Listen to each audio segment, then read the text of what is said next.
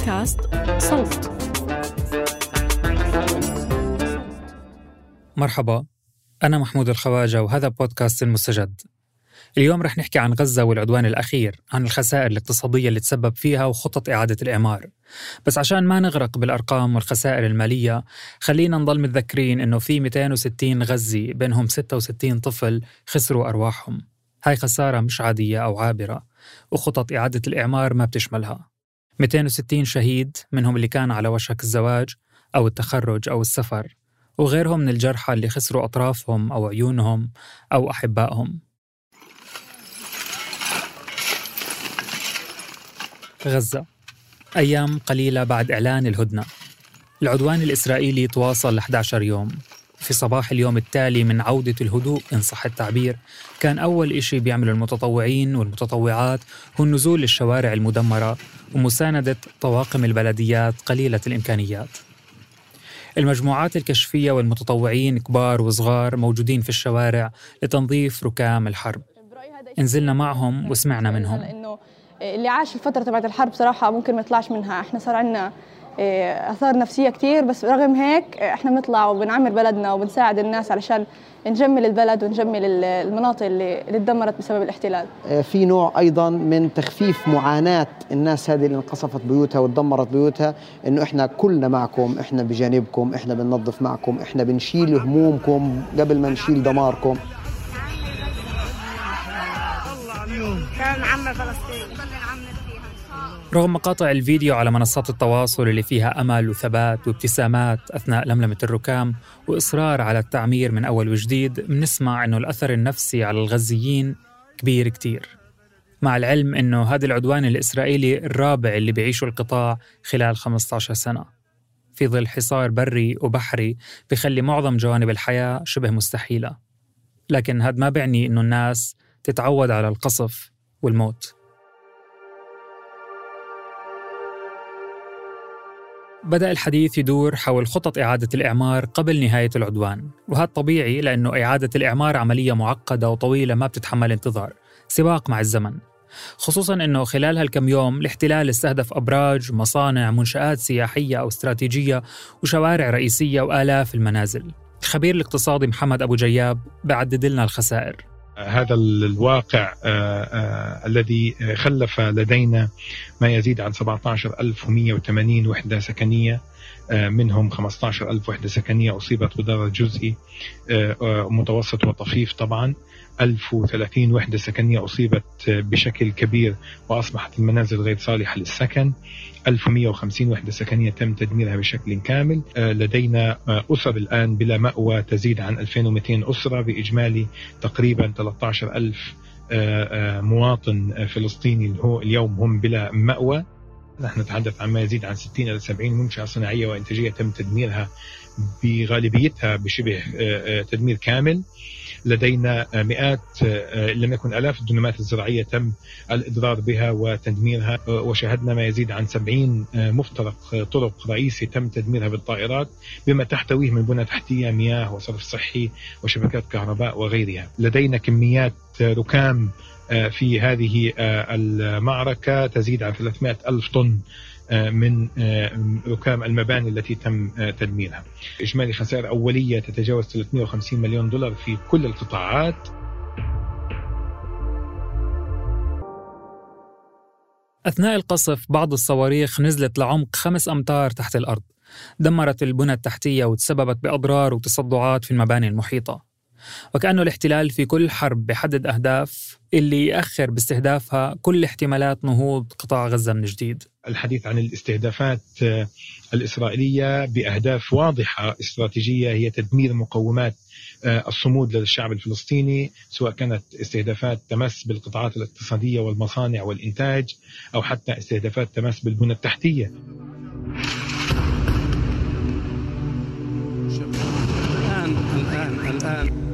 من جديد من جديد من جديد من جديد.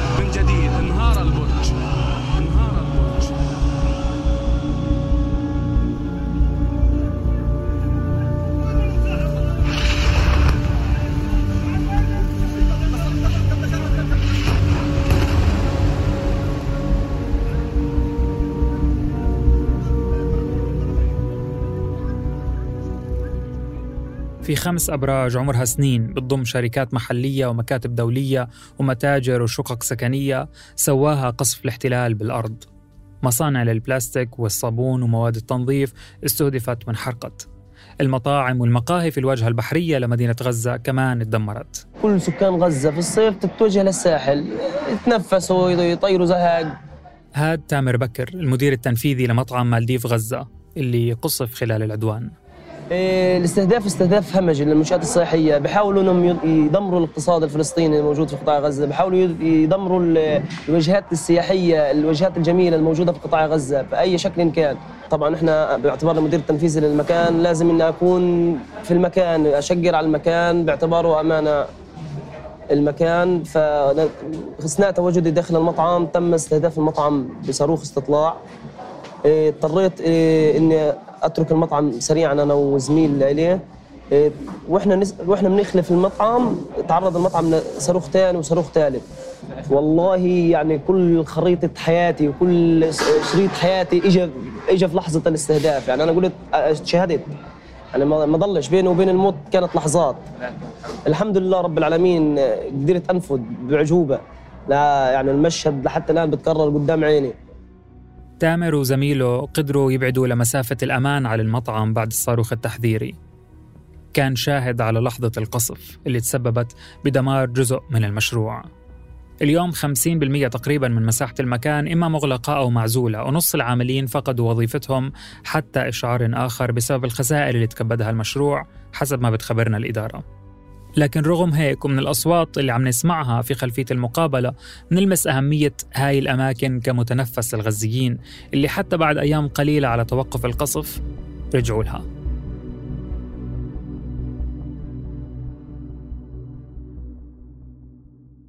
يعني إحنا بشرنا في الع... في الترميم من ثاني يوم. يعني من أول ما اعلنوا عن الهدنة إحنا مبلشين في الترميم على حسابنا الشخصي. بحيث إنه نقدر نستقبل الناس ما نتوقفش. يعني نكون إحنا عملنا كتحدي إنه نعيد ترميم المطعم ونستقبل الناس ونعزل المناطق المكسوفة في المكان. بنسمع كمان لفادي دلول صاحب مقهى جالاكسي مشروع تاني على البحر تعرض للقصف. يعني يعني أقول لك هدوا وعملوا وسووا وهذا. ثاني ثالث يوم رحنا فتحنا المكان. الأسس تبعت المكان نفسها اللي هو بار الشيش بار المطبخ. التواليت هذا كله هيط وراح ما ضل هي هي هو هذا المكان. تخيل مكانك قاعد تبني فيه من الصفر بديت شوي شوي قاعد تبني بتبني بتبني بتبني فجأة كله باح في شيء يعني قاعد بطلع أنا تعبنا تعبنا كثير وإحنا اشتغلنا في إيدينا. الهندسة والأمور هذه والخريطة واللي كانوا اللي يعمل المكان اللي هو الوالد. يعني تعبنا دفعنا دم قلبنا لما نشأنا المشروع. في لحظة كله راح. المشروع عليه التزامات وديون جائحة كورونا عقدت الأمور خلال السنة اللي فاتت والعدوان الإسرائيلي يبدو حيفاقمها أكثر وأكثر. بس الخسارة الأكبر كانت في استشهاد عمود المكان. إحنا يعني بتقدر تقول خربان ديار زي ما بيقولوها بالبلدي وقدمنا شهيد الله يرحمه أبو السعيد. بتقدر تقول هو عمود المكان. الشهيد أبو السعيد ناطور المكان. فالناطور اللي هو صاحبنا وصديقنا وحبيبنا كان يعني بيجي بيشقر كل شوية إيه بدي أروح اشغل الطاقة بدي أحول كهرباء بدي أعمل بدي أسوي. آخر اتصال بين فادي وأبو السعيد كان قبل استشهاده في قصف المقهى بعشر دقائق. أنا يعني لحتى الآن اثار الحرب وال وريحة الدم والأمور هذه مش كاينة تروح من طبعا مش لحالي يعني العمال حتى يعني أقول لك الموظفين اللي عندي الموظفين اللي عندي يعني صرحوا أول يوم أنا قاعد هيك وبطلع عليهم. إيش كآبة؟ إيه بتطلع عليه. أنت عارف الزبون هل لازم ترسم الضحكة في وجهه يعني قال ما فيها بس مش قادرين.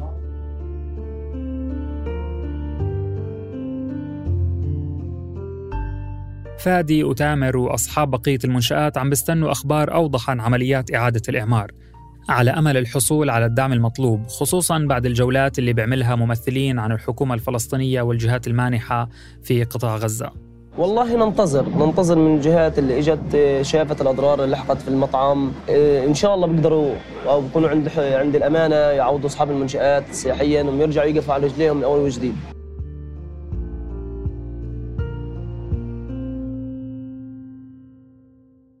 أحيانا موضوع إعادة الإعمار بيكونش متعلق بمجرد أمانة القائمين على العملية أو قدرتهم على التعويض. بالعودة للتجارب السابقة الموضوع مش سحر ولا كبسة زر. بعض مشاريع إعادة الإعمار ما زالت عالقة من الحروب الماضية. أثناء البحث مرت علينا قضية برج سكني معروف باسم المجمع الإيطالي اللي استهدف في عدوان عام 2014 وتأخر إعماره سبع سنوات كاملات على حساب كل العوائل اللي سكنت فيه وخسرت بيوتها. طبعا البرج الإيطالي يعتبر من من أجمل الأبراج يعتبر من يعني معلم من المعالم المهمة في غزة.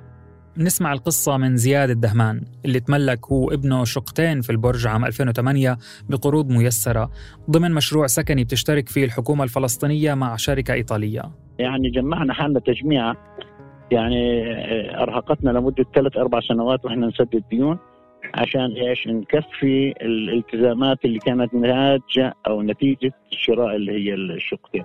لما بلش عدوان عام 2014 وقصف البرج كانوا الأسرتين صار لهم كم شهر بس مخلصين الدفعات المترتبة عليهم. الآخر أيام في الحرب يعني إسرائيل لجأت لضرب الأبراج يعني كورقة ضاغطة على على غزة وعلى المقاومة. وإحنا كان لنا نصيب من هذا يعني من هذه الضربات عائلات البرج تلقت أمر هاتفي بالإخلاء من استخبارات الاحتلال قبل القصف بوقت قليل. فوجئنا بأنه اتصلوا علينا طلبوا منا إخلاء البرج خلال يعني نصف ساعة. أول مرة حكوا عشر دقائق ثم بعدين حكوا نص ساعة. فاضطرينا نزلنا طبعا بهدومنا اللي علينا وتركنا كل أغراضنا يعني شغلاتنا العزيزة كل تاريخنا وتراثنا وذكرياتنا وكل شغلات اللي انت مجمعها من 30 40 سنة موجودة في بيتك كلها راحت انضرب البرج ومن بعدها عشنا فترة من ال... يعني من التشرد بدنا نسميها. يعني في البداية كان صعوبة إنك تستأجر وتلقي بيت. يعني أنا واحد من 50 بيت. يعني إحنا البرج هذا فيه 50 بيت. 48 شقة واثنين روف على السطح. يعني 50 أسرة. يعني أنت ما تتصور حجم العذاب والمعاناة اللي عانتها الناس هذه بسبب هدم بيوتهم. يعني الكل توجه للإيجارات وطبعا الإيجارات في البداية كانت صعبة لأنه في حجم دمار كبير في غزة وما كانتش متوفرة.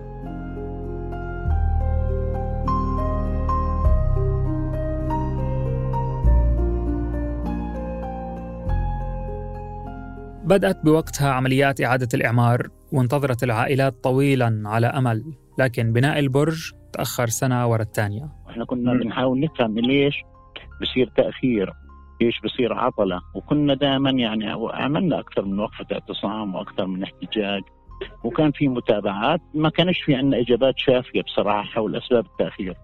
أحيانا آه، إحنا نحمل المسؤولية للوزارة وأحيانا الوزارة تحمل المسؤولية للإيطاليين. حسب وزارة الأشغال الفلسطينية كان التأخير طول هالسنوات في تحويل المبلغ المطلوب لإعادة الإعمار. من فترة قصيرة فرجت قضية عائلات البرج الإيطالي وأعلنت الوزارة عن المباشرة في تنفيذ الإعمار أخيرا. في شغلة يعني كمان كثير مهمة. اليوم إحنا في عنا مش بس الإيطالي في عندك مئات البيوت اللي مهدمة أو مدمرة من الحروب السابقة. من 2014 من 2012 2008 وهذه البيوت لحتى الآن ما أعيد بنائها ولا اعمارها واليوم اليوم أضيف لها نتائج الحرب الأخيرة. أنا بتمنى إنه في حملة الإعمار القادمة إنه تكون البيوت اللي مهدمه من الحروب السابقة على جدول يعني أولويات اللي الجهات اللي بدها تعمر وتكون في رأس القائمة لأنهم لهم سنوات طويلة جدا. بيعانوا من مسألة يعني عدم بناء بيوتهم.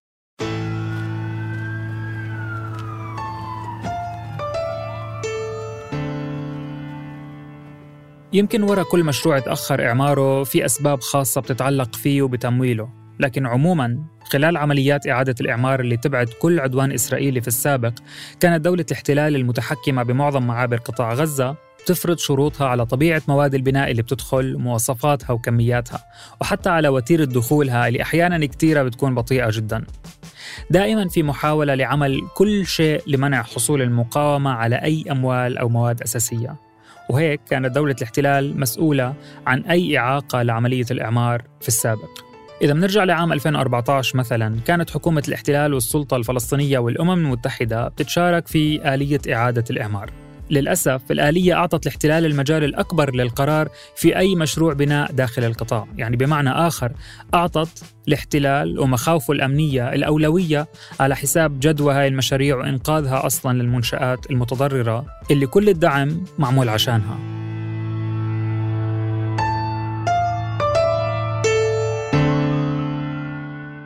بكل الأحوال تفاصيل خطط إعادة الإعمار الحالية مش واضحة كتير. اللي بنعرفه أنه في جهات أممية ودول عربية تعهدت بدعم القطاع بمئات ملايين الدولارات لحد الآن.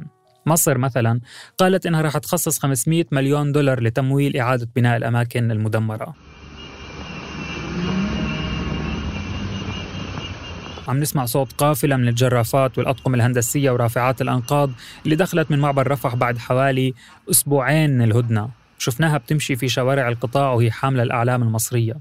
حماس المسيطرة على غزة والحكومة الفلسطينية رحبوا بالاهتمام والدعم المصري الكبير رغم أنه البعض شافه مفاجئ وبدأ يحلل النوايا المحتملة من وراءه والسبب هو مواقف سابقة للنظام المصري تجاه حركة حماس. هذه إضافة لدعم التركي والقطري أو الدعم الدولي المتوقع. المهم الحكومة الفلسطينية أعلنت أنه العملية رح تكون من خلالها ومن خلال وزاراتها المعنية خصوصا وزارة الأشغال العامة والإسكان.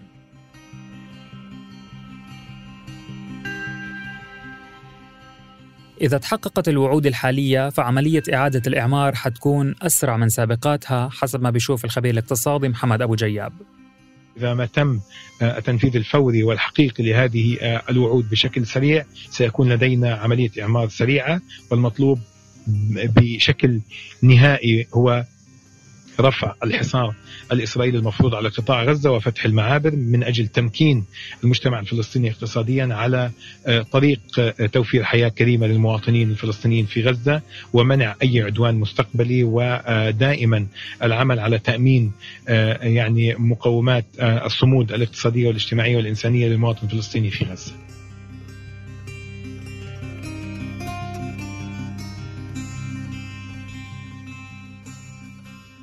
بودكاست المستجد من إنتاج صوت. كنت معكم من الإعداد والتقديم محمود الخواجة من البحث الميداني وتسجيل المقابلات عمر موسى من التحرير تالا العيسى ما تنسوا تشتركوا بقنوات المستجد محل ما بتسمعوا بودكاست.